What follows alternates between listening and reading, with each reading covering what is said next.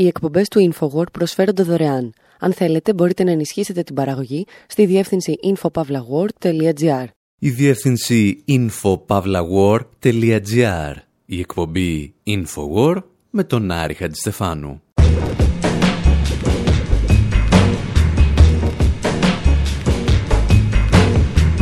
Όπου σήμερα μαζί με το καλοκαίρι αποχαιρετάμε και τον ονό της Ρέγγε, τον Τούτς Χίμπερτ που μας άφησε στα 77 του χρόνια. Θυμόμαστε ιστορίες ενός μουσικού ρεύματος που δεν το δήλωνε ανοιχτά, αλλά ήταν πάντα βαθύτατα πολιτικό. Συνδέουμε την Τζαμάικα με την Αφρική και ακούμε μουσικές για την Βαβυλώνα των μαύρων σκλάβων, αλλά και για έναν Μωυσή εντελώς διαφορετικό από το δικό μας.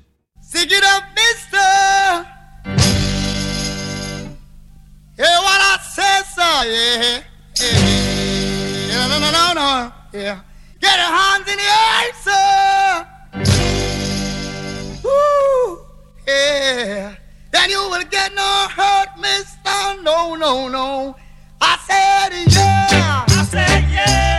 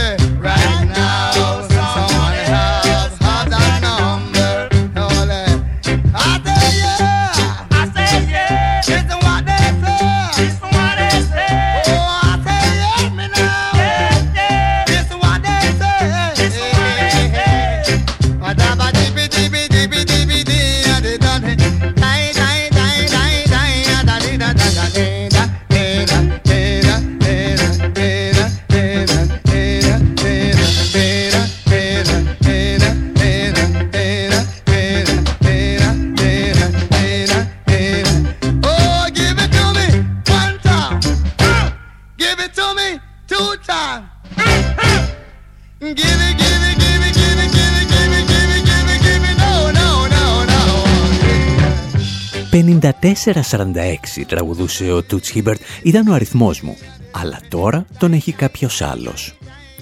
Κάτι που συμβαίνει συχνά στις φυλακές. Πάντα κάποιος άλλος θα πάρει το κελί σου και τον αριθμό σου. Γιατί 5446 ήταν ο αριθμός του Τούτς Χίμπερτ όταν οδηγήθηκε στη φυλακή γιατί βρέθηκαν πάνω του μερικά γραμμάρια μαριχουάνας. Και αυτή ακριβώς τη στιγμή της σύλληψης περιγράφει στο τραγούδι του. Και να σκεφτείτε, θα δηλώσει χρόνια αργότερα σε συνέντευξή του, τότε ακόμη δεν κάπνιζα τίποτα. Η αστυνομία μου φύτεψε τα ενοχοποιητικά στοιχεία. Μεγαλωμένος σε οικογένεια της εκκλησίας των αντιβεντιστών της 7ης ημέρας, ήταν ακόμη καλό παιδί. Ακόμη και για τα δεδομένα της Τζαμάικας.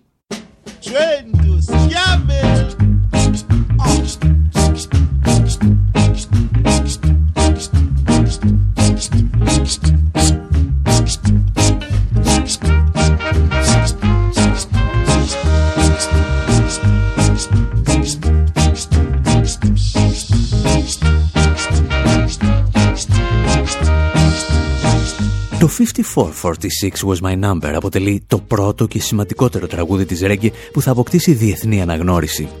Πατάει όμως στην παράδοση της μουσικής ska και συγκεκριμένα στο θρηλυκό τραγούδι Train to Skaville των Ethiopians, το οποίο ακούμε εδώ.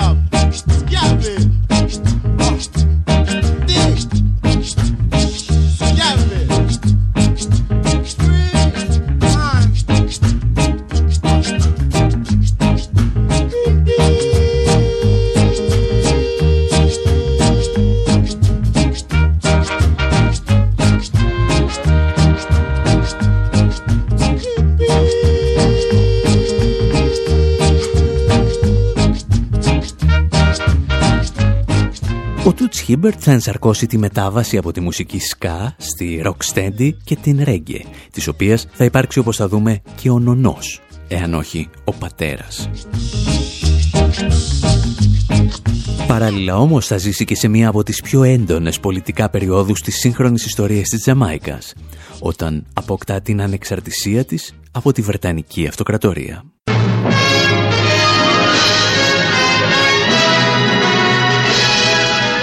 Jamaica was the happiest island in all the Caribbean. Kingston was in holiday mood. Η Τζαμάικα ήταν σήμερα το πιο ευτυχισμένο νησί σε όλη την Καραϊβική. Η πρωτεύουσα Kingston ήταν σε εορταστικό κλίμα και οι σημαίες κοιμάτζαν χαρούμενα στον αέρα.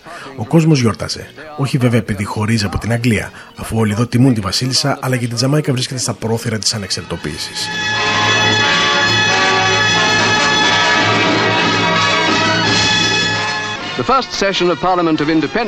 Το Κοινοβούλιο πραγματοποίησε την πρώτη συνεδρία στην εξάρτητη πλέον Τζαμάικα.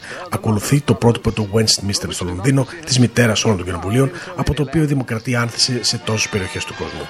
300 χρόνια Βρετανικής διακυβέρνησης φτάνουν στο τέλος τους. Και ένα ακόμη έθνος κερδίζει την αυτοδιαθέσή του. Τις καλύτερες ευχές μας στον ευτυχισμένο λαό της Τζαμάικας.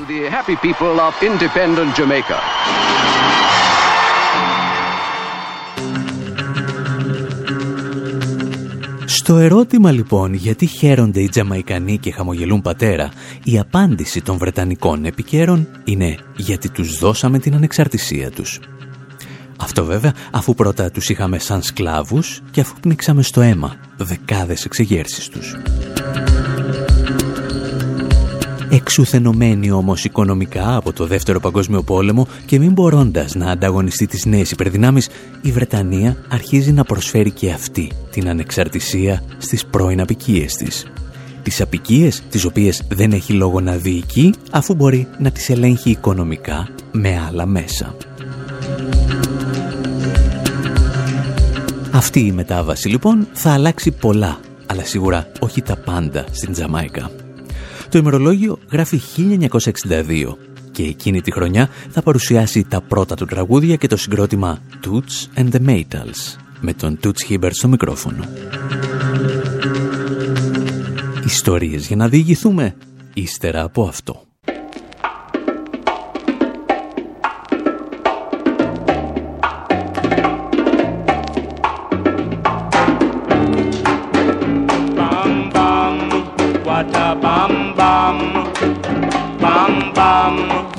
ta bam bam.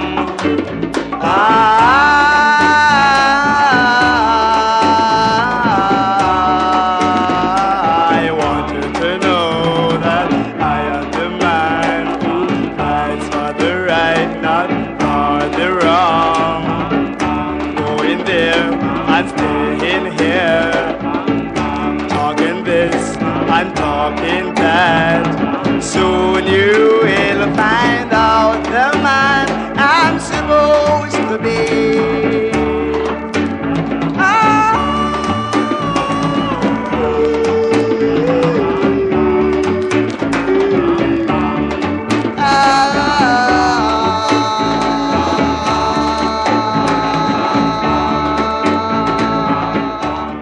Θέλω να ξέρεις, τραγουδούν οι Toots and the Metal, ότι είμαι ο άνθρωπος που μάχεται για το δίκαιο και όχι για το άδικο.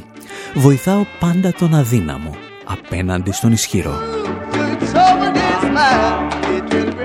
Με αυτό το τραγούδι, το συγκρότημα που δημιουργήθηκε τη χρονιά που η Τζαμάικα απέκτησε την ανεξαρτησία της, κέρδισε και τον διαγωνισμό στο πρώτο φεστιβάλ λαϊκού τραγουδιού της ανεξάρτητης Τζαμάικας.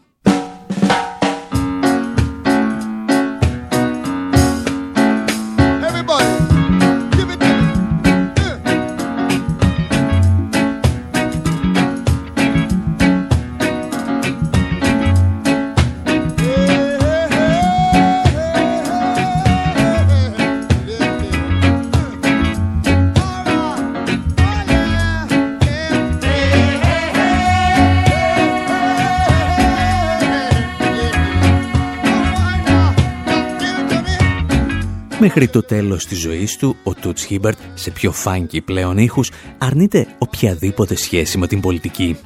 Τα μόνα κινήματα που ακολούθησα ήταν τα κινήματα της μουσικής, έλεγε σε μία από τις τελευταίες του συνεντεύξεις πριν πεθάνει. Αυτό που παρέλειπε όμως να σημειώσει είναι ότι και μόνο η ενασχόλησή του με τη ρέγκε στη Τζαμάικα της δεκαετίας του 60 και του 70 ήταν μια κίνηση απόλυτα πολιτική. Η Ρέγγε θα αποτελέσει την φωνή των καταπιεσμένων, οι οποίοι κερδίζουν την πολιτική ανεξαρτησία τους από το Λονδίνο, αλλά όχι και την οικονομική.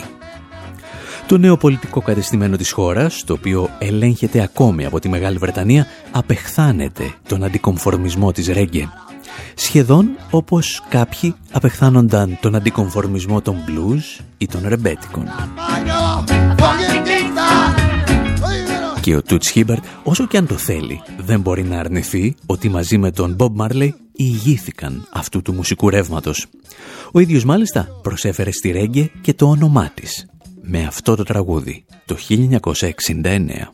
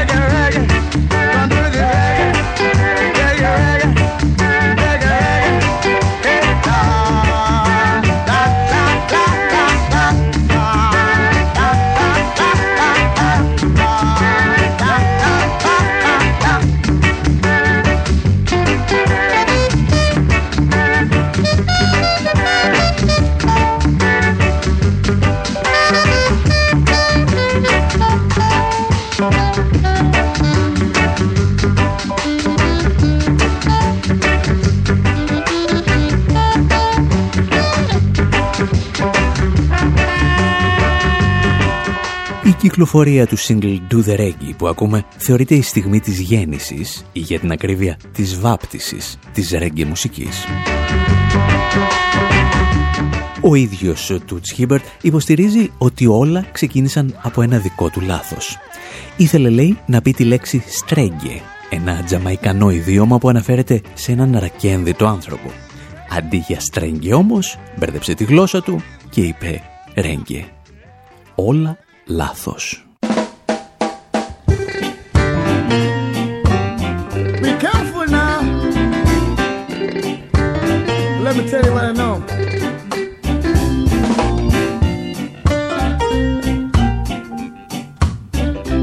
Some of the rich men get their riches from the ghetto. As far as I can see. are the poorer ones that live they put all their trust in vanity, and that's why the rich one shall be richer, and the poor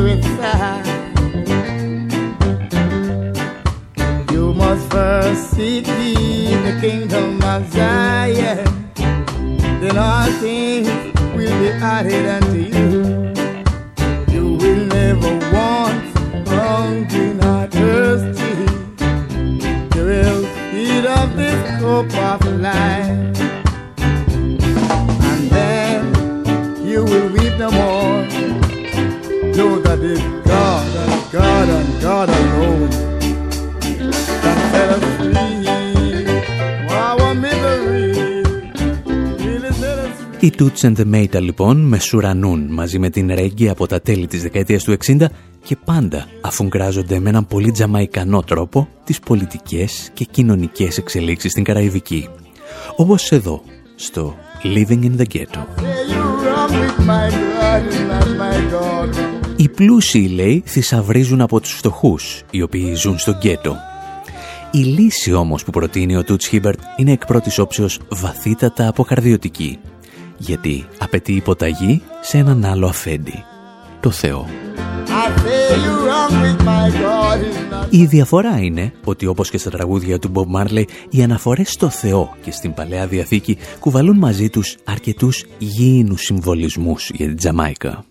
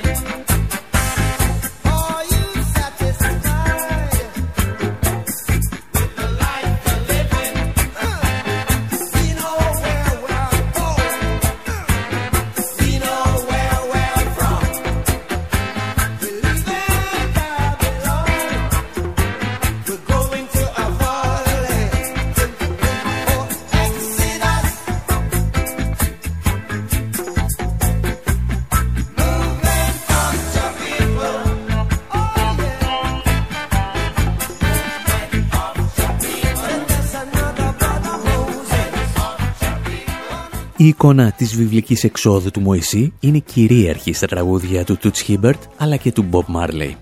Μόνο που αυτή η έξοδος πραγματοποιείται προς την Αφρική και ο Μωυσής είναι κατάμαυρος. Εμείς ξέρουμε από πού ερχόμαστε και ξέρουμε πού πηγαίνουμε. Αφήνουμε τη Βαβυλώνα και επιστρέφουμε στη γη των προγόνων μας, τραγουδούσε ο Μπομπ Μάρλεϊ. Είναι Ιούνιος του 1977 όταν ο Bob Marley παρουσιάζει το άλμπουμ Exodus και το ομώνυμο τραγούδι. Για την ιστορία, να θυμίσουμε ότι εκείνη την εποχή ο Μάρλεϊ αναρώνει ακόμη από τη δολοφονική επίθεση που είχε δεχθεί το 1976. Τότε προετοιμαζόταν να παίξει σε μια συναυλία που διοργάνωσε ο πρωθυπουργός της Τζαμάικας, Νόρμαν Μάνλεϊ. Ο Μάνλεϊ είχε πολλούς εχθρούς οι οποίοι στράφηκαν και εναντίον του Μάρλεϊ, ο οποίος φαινόταν να τον στηρίζει. Ο Τζαμαϊκανός Πρωθυπουργός είχε υπογράψει, βλέπετε, συμφωνίες συνεργασίες με την Κούβα του Φιντελ Κάστρο, εξοργίζοντας έτσι την Ουάσιγκτον. Παράλληλα, ήταν φίλος του Ούλοφ Πάλμε, ενώ από το βήμα του κινήματος των αδεσμεύτων ζητούσε στενότερη συνεργασία με τη Σοβιετική Ένωση, απέναντι στις Ηνωμένες Πολιτείες. Σε αυτό το έντονο πολιτικό κλίμα, οι αναφορές στη βιβλική έξοδο που κατακλείζουν τη ρέγγια σκηνή συνδέονται και με το κίνημα του μαύρου εθνικισμού. Ένα κίνημα το οποίο εξέφραζε τότε ο Μάρκους Γκάρβεϊ, ο νέγρος Μωυσής, όπως τον αποκαλούσαν.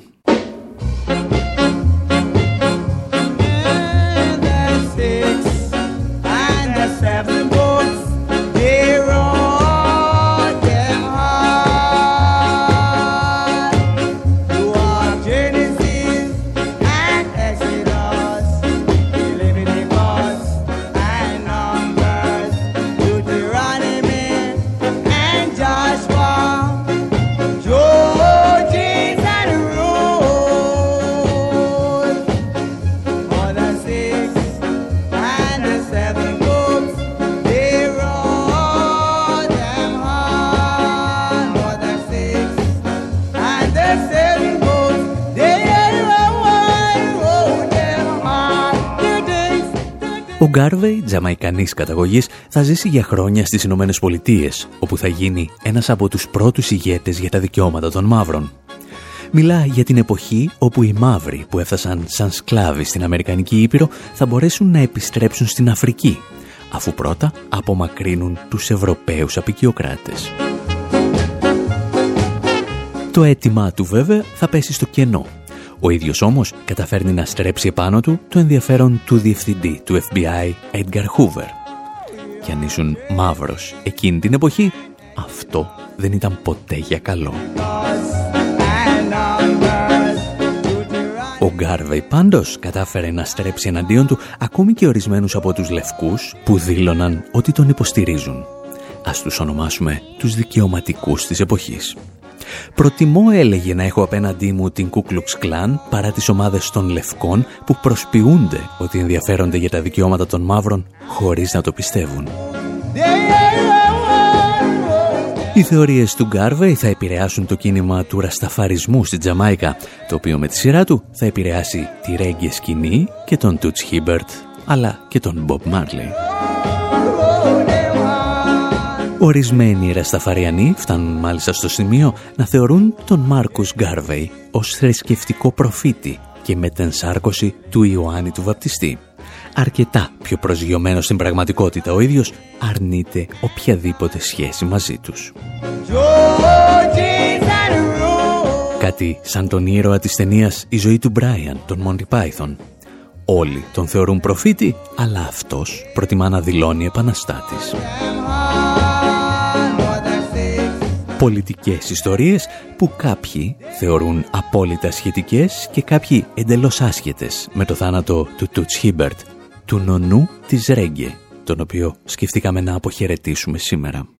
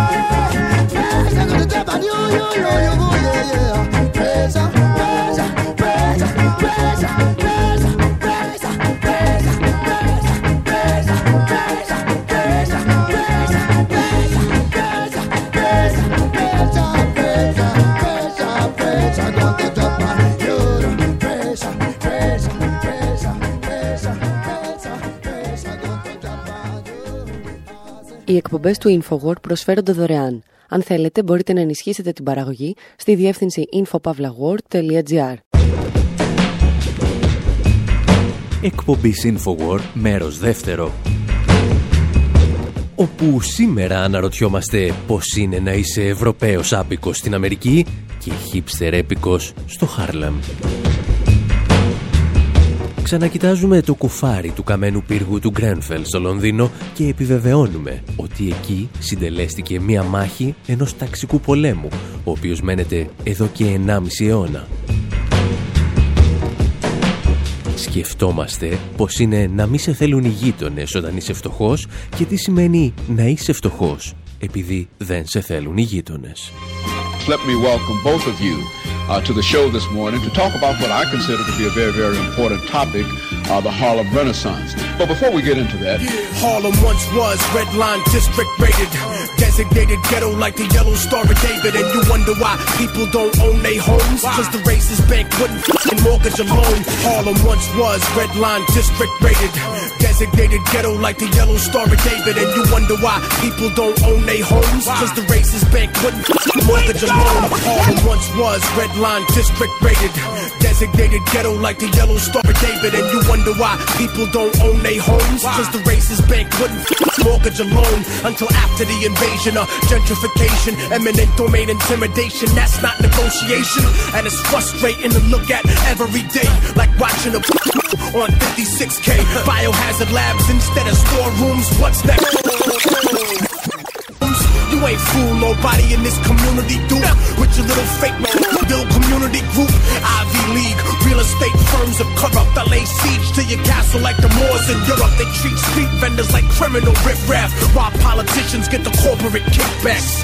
Harlem Renaissance, a revolution betrayed. Modern day slaves thinking that the ghetto is saved, so they start deporting people off the property, ethnically cleansing the hood. Economically, they want to kill the real Harlem Renaissance, trying to put the Virgin Mary through her early menopause. The savior is a metaphor for how we set it off. Guerrilla war against the rezoning predators. When I speak about Harlem, I speak to the world. The little Afghan boy and the Bosnian girl, the African of Sudan, the people of Kurdistan, the third world American, indigenous men, Palestinians, Washington Heights Dominicans, displaced New Orleans citizens, beachfront Brazilian favelas that you living in. The hood is prime real estate. And again, didn't write this to out because some of y'all forgot what the Harlem Renaissance was. We had revolution, music, and artisans, but the movement was still. Cause while we were giving birth to the culture we love, prejudice kept our own people out of the club. only colored celebrities in the party, and left us a legacy of false superiority. W.E.B. Du Bois versus Marcus Garvey, and we ended up selling out to everybody. The Dutch Schultzes and the John Gotti's, banksters, modern day gangsters, and more Bernardi. They wanna move us all out the NYC, like they did to the Jews with the Alhambra decree. So support your own businesses and do the knowledge, cause the real Harlem Renaissance is economic. Harlem Renaissance, a revolution betrayed. Modern day slaves thinking that the ghetto is safe, till they start deporting people off the property, ethnically cleansing the hood, economically. They wanna kill the real Harlem Renaissance, trying to put the Virgin Mary to her early menopause. The savior is a metaphor for how set it off. Guerrilla war against the rezoning predators. When they were saying it is the renaissance of Harlem, they didn't mean that we had stake in that. Ο Immortal Technique, ίσως ο πιο πολιτικοποιημένος καλλιτέχνης της hip-hop σκηνής των τελευταίων δεκαετιών, περιγράφει μία εισβολή βαρβάρων στο Χάρλεμ. In Brooklyn, they're doing the same thing. In, um, Παλιά, λέει, είχαν τραβήξει στο Χάρλεμ μια κόκκινη γραμμή στο χάρτη. Πρόκειται για έκφραση που χρησιμοποιείται για περιοχές στις οποίες οι τράπεζες αποφασίζουν να μην παρέχουν δάνεια. Το αποτέλεσμα ήταν ότι κανένας από τους φτωχούς μαύρους κατοίκους δεν είχε τη δυνατότητα να αποκτήσει δικό του σπίτι στο Χάρλεμ. people of Harlem, they are the natural allies of Μέχρι τη στιγμή, συνεχίζει ο Immortal Technique, που ήρθε το gentrification και ξεκίνησε αυτό που ο ίδιος αποκαλεί εθνοκάθαρση. Σαν να προσπαθείς, λέει, να προκαλέσεις πρόωρη εμεινόπαυση στην Παναγία. Designated ghetto like the Yellow Star of David, and you Και επειδή προφανώς η παρομοίωση δεν βοηθά κανέναν μας να καταλάβει περί τίνος πρόκειται, να σας θυμίσουμε ότι gentrification ονομάζεται η ανάπλαση ή ο καλοπισμός μιας γειτονιάς, ο οποίος επιτυγχάνεται με την άφηξη πλούσιων ενίκων. Μόνο που για να έρθουν οι πλούσιοι πρέπει να φύγουν οι φτωχοί. Και αυτό ονομάζεται από ορισμένους, συμπεριλαμβανομένου του Immortal Technique, ταξική εθνοκάθαρση. Σύμφωνα με ένα μύθο, τον οποίο θα μπορούσαμε να ονομάσουμε και αστικό, το gentrification ξεκινά όταν ορισμένοι καλλιτέχνες και hipster μετακομίζουν σε μια φτωχογειτονιά, την οποία σταδιακά μετατρέπουν σε εναλλακτικό κέντρο πολιτισμού. Όταν η γειτονιά γεμίζει πλέον από δάφτους, οι εταιρείες του real estate μυρίζονται κέρδος και οι τιμές των ακινήτων στην περιοχή αρχίζουν να ανεβαίνουν, με αποτέλεσμα οι παλιοί φτωχοί κάτοικοι να πρέπει να αποχωρήσουν. Αυτή όμως είναι η αθώα εκδοχή του gentrification. Είναι τόσο αθώα όσο να υποστηρίζεις ότι οι πρώτοι Ισπανοί έπικοι έφτασαν στην Αμερική γιατί τους άρεσε η θέα και οι ντόπιοι απομακρύνθηκαν ήσυχα για να τους αφήσουν να απολαύσουν την περιοχή. Και έτσι έχεις μόλις ξεπλύνει τη μεγαλύτερη γενοκτονία στην ιστορία της ανθρωπότητας. Εμείς πάλι θα προσπαθήσουμε να εξηγήσουμε ότι το gentrification είναι μια μορφή αδυσόπιτης ταξικής βίας. Οι πλούσιοι χρησιμοποιούν τα όργανα του κράτους και κατευθύνουν με τέτοιο τρόπο τις δυνάμεις της αγοράς ώστε να απομακρύνουν ή να εξοντώσουν τους φτωχούς. Και παρεπιπτόντος αυτό πιστεύουμε ότι έκαναν και στην περίπτωση του πύργου του Γκρένφελ στο Λονδίνο. Η ιστορία μας όμως είναι παλιά και μας φέρνει πίσω στα 1872.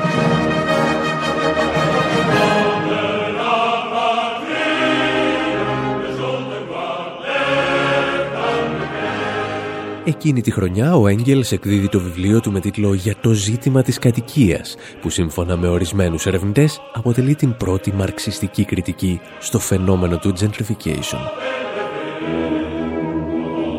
Ο Έγγελς εξηγούσε πως το γαλλικό κράτος του Βοναπάρτη έφτιαχνε μεγάλες λεωφόρους με πολυτελή καταστήματα και κατοικίες μέσα στις πιο πυκνοκατοικημένες εργατικές γειτονιές. Με τον τρόπο αυτό, σημείωνε ο Έγγελς, όχι μόνο γίνονταν πιο δύσκολο να στείνονται χαρακόμματα στο κέντρο μιας πόλης, αλλά δημιουργούνταν θύλακες πολυτελούς διαβίωσης σε όποιο σημείο το επιθυμούσε η αστική τάξη. Οι τρύπες και τα κελάρια, όπου καταχωνιάζει τους εργάτες το καπιταλιστικό σύστημα παραγωγής, συνέχιζε ο Έγγελς, δεν καταργούνται. Απλώς μετακομίζουν. Για να πετύχει αυτή τη μετακόμιση και να διώξει τους φτωχούς, η αστική τάξη έπρεπε να χρησιμοποιήσει τρομακτικές ποσότητες φυσικής βίας. Η μαγεία του σύγχρονου καπιταλισμού όμως είναι ότι με τα χρόνια έμαθε να κρύβει τη φυσική βία κάτω από το χαλί. Και έτσι το gentrification παρουσιαζόταν σαν μια απόλυτα λογική εξέλιξη την οποία καθόριζε το αόρατο χέρι της αγοράς. Parce que j'ai pas la gueule de l'emploi, on me traite de racaille pendant que Sarko fixe son salaire, le peuple français crève la dalle. Parce que l'État le permet, la police assassine, c'est l'inégalité des chances gouvernée par des sales racistes. Et parce qu'ils ont pillé les caisses, y a plus de pouvoir d'achat. L'appel à la révolte, je dirais pas que j'encourage pas ça. Et parce qu'ici la pauvreté se mêle que j'en prise, vous pouvez tous vous attendre à revivre mes 68.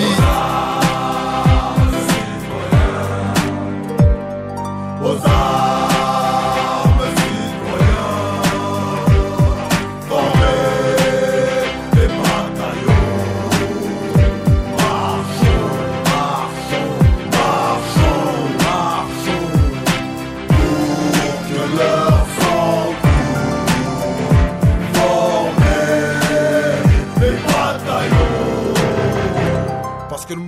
πρώτες μορφές gentrification με τη μορφή που το γνωρίζουμε σήμερα δεν ξεκινούν βέβαια στην Ευρώπη, αλλά στην Αμερική του 1968. Τότε που οι τηλεοπτικοί σταθμοί διέκοπταν το πρόγραμμά τους για να μεταδώσουν την είδηση της δολοφονίας του Μάρτιν Λούθερ Κίνγκ.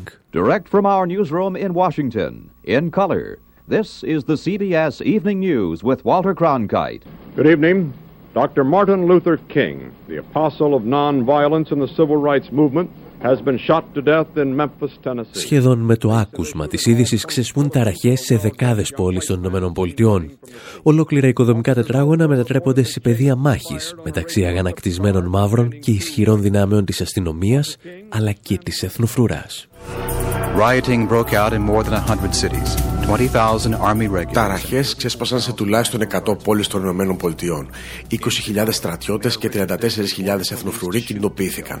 Στο Σικάγο, ο δήμαρχος της πόλης έδωσε στην αστυνομία την εντολή να πυροβολεί και να σκοτώνει όσους δεν υπακούν. Σε ολόκληρη τη χώρα σκοτώθηκαν 46 άνθρωποι. Ο Μάρτιν Λούθερ Κίνγκ ήταν νεκρός και η Αμερική καιγόταν. Martin Luther King was dead. America was burning. Στην Ουάσιγκτον και σε άλλες πόλεις, τα δεκάδες καμένα κτίρια και ο διαρκής φόβος νέων συγκρούσεων σε περιοχές μαύρων οδήγησαν σε κατάρρευση των τιμών των ακινήτων. Έτσι, μεγάλες εταιρείες real estate μπορούσαν να αγοράσουν μαζικά ολόκληρες γειτονιές και να τις αναπλάθουν για να στεγάσουν πλουσιότερα στρώματα της κοινωνίας. Στο πέρασμα των χρόνων, τα γραφεία των real estate θα βρουν αρκετούς ακόμη τρόπους για να ρίχνουν τις τιμές σε συγκεκριμένες γειτονιές που θέλουν να αγοράσουν. Μερικές φορές αρκούσε να μιλήσεις στον δήμαρχο και τον αρχηγό της αστυνομίας και να τους εξηγήσεις ότι είναι προς το συμφέρον τους να αφήσουν την εγκληματικότητα να γιγαντωθεί σε μια περιοχή για ένα συγκεκριμένο χρονικό διάστημα. Και κάπως έτσι ξεκινά μια σύγχρονη μορφή ταξικού πολέμου. Για να συνεχίσουμε όμως την ιστορία θα χρειαστούμε τη βοήθεια του Αμερικανού ράπερ Moors να μας τραγουδήσει G is for Gentrify. G is for gentrify. Another beautiful day in mid city LA. They rolled up and popped him as he walked away. Cold game, man down. Now all the neighbors stand around with their cameras out. Red team versus blue team. In over 30 years, it ain't a new thing. Another gunshot, another nigga dies. Don't y'all know we got a lot bigger fish to fry? Up north, they just lynched Willie Sims. How come y'all niggas ain't trying to get them? Let somebody try to come and take your rims. You gon' call the homies and pull out the Mac 10s. I don't understand y'all dudes. White people see it on the news and they confused. While you choose to make war in this bitch, they invest, buy land and get rich. They moved out we moved in. Fuck y'all niggas, no new friends. When they move back, we gotta move out. Now it's seven figures for a new house. Walk they dogs with nose in the sky. Tensions build, the temperature rise. We ask why the rent is so high. G E N T R I F Y. Hey, say man. Hey, hey, could you? Ο Μούρς διηγείται τις ιστορίες φτωχών μαύρων που έφνης γίνονται ανεπιθύμητοι στις γειτονιές που γεννήθηκαν και μεγάλωσαν. Και μια τέτοια αληθινή ιστορία σκότωσε πριν από μερικά χρόνια έναν κάτοικο του Σαν Φρανσίσκο. Ο Αλεχάνδρο Νιέτο έδειχνε εξαντλημένος εκείνο το πρωινό της 21ης Μαρτίου του 2014 στο πάρκο του Μπέρναλ Χιλ, στο Σαν Φρανσίσκο. Είχε μόλις τελειώσει την νυχτερινή εργασία του σαν πορτιέρι σε ένα κλαμπ και έτρωγε μηχανικά ένα σάντουιτς. Λίγα μέτρα μακρύτερα, ο Evan Snow, ένας λευκός γραφίστας, έκανε το πρωινό του τζόκινγκ με το σκύλο του, ο οποίος μόλις είδε τον Αλεχάνδρο, του επιτέθηκε για να του φάει το σάντουιτς. Όταν ο σκουρόχρωμος Νιέτο απείλησε να χτυπήσει το σκυλί με ένα τέιζερ, αρκετοί λευκοί περίοικοι κάλεσαν την αστυνομία, λέγοντας ότι ένας ένοπλος κινείται ύποπτα στη γειτονιά τους. Δέκα λεπτά αργότερα, ο Αλεχάνδρο κοίτονταν νεκρός. Το κεφάλι του είχε πολτοποιηθεί από τις 14 σφαίρες που άδειασαν πάνω του τέσσερις αστυνομικοί. Ο Νιέτο είχε γεννηθεί και είχε μεγαλώσει σε εκείνη τη γειτονιά. Η μητέρα του ήταν καθαρίστρια και ο πατέρας του έκανε διάφορες δουλειές για να συντηρεί την οικογένειά του. Αυτοί πάλι που κάλεσαν την αστυνομία είχαν μετακομίσει μόλις πριν από μερικούς μήνες, όταν το Bernal Hill άρχισε να βιώνει το δικό του gentrification. Το πραγματικό πρόβλημά τους ήταν ότι ακόμη και η παρουσία του Νιέτο στην περιοχή δημιουργούσε φόβο και ο φόβος ρίχνει τις τιμές των ακινήτων. Για τους χίπστερ γείτονές του, ο Νιέτο απειλούσε όχι το σπίτι τους, αλλά την επένδυση που είχαν κάνει στο διαμέρισμά τους. Κανένας δεν θα ήθελε βέβαια να πεθάνει, αλλά στην πραγματικότητα του άφηναν ελάχιστες πιθανότητες για να ζήσει. Περίπου δηλαδή ό,τι συνέβη και με τα θύματα του πύργου Γκρένφελ στο Λονδίνο. Yeah, I don't know where to begin, so I'll start by saying I refuse to forget you. I refuse to be silenced. I refuse to neglect you. That's for every lost soul up in Grenfell, even though I've never even met you. Cause that could have been my mum's house. Or that could have been my nephew. Now that could have been me up there. Waving my white plain tee up there. With my friends on the ground trying to see up there. I just hope that you rest and you're free up there. I can't feel your pain, but it's still where it is. Went to the block just to chill with the kids. Troubled waters come running past. I'ma be right there just to build When you a bridge, yo. you're weary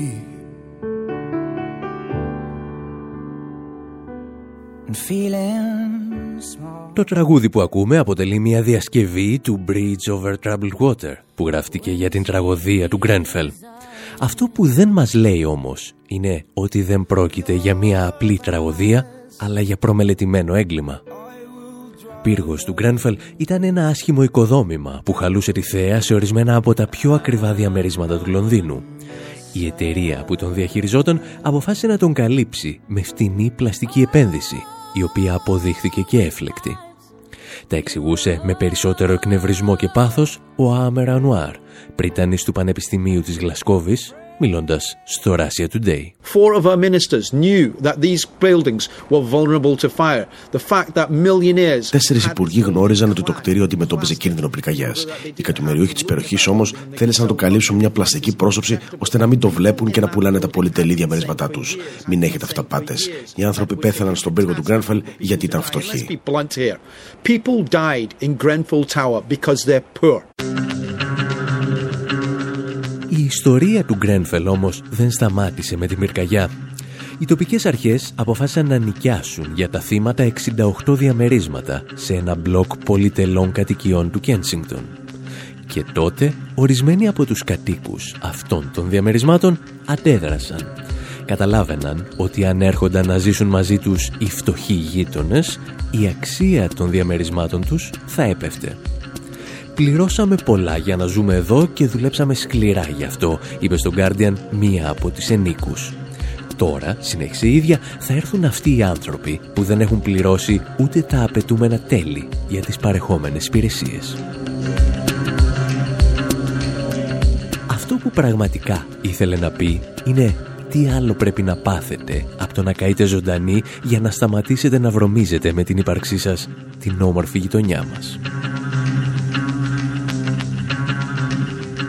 Λόγος επαρκής, όπως θα έλεγε και ο Μάνος Χατζηδάκης, για να βάλεις φωτιά σε ολόκληρη την Αγγλία. London's burning! London's burning! Μέχρι πάντως την επόμενη εβδομάδα, από τον Άρη Στεφάνου στο μικρόφωνο και τον Δημήτρη Σαθόπουλο στην τεχνική επιμέλεια, γεια σας και χαρά σας.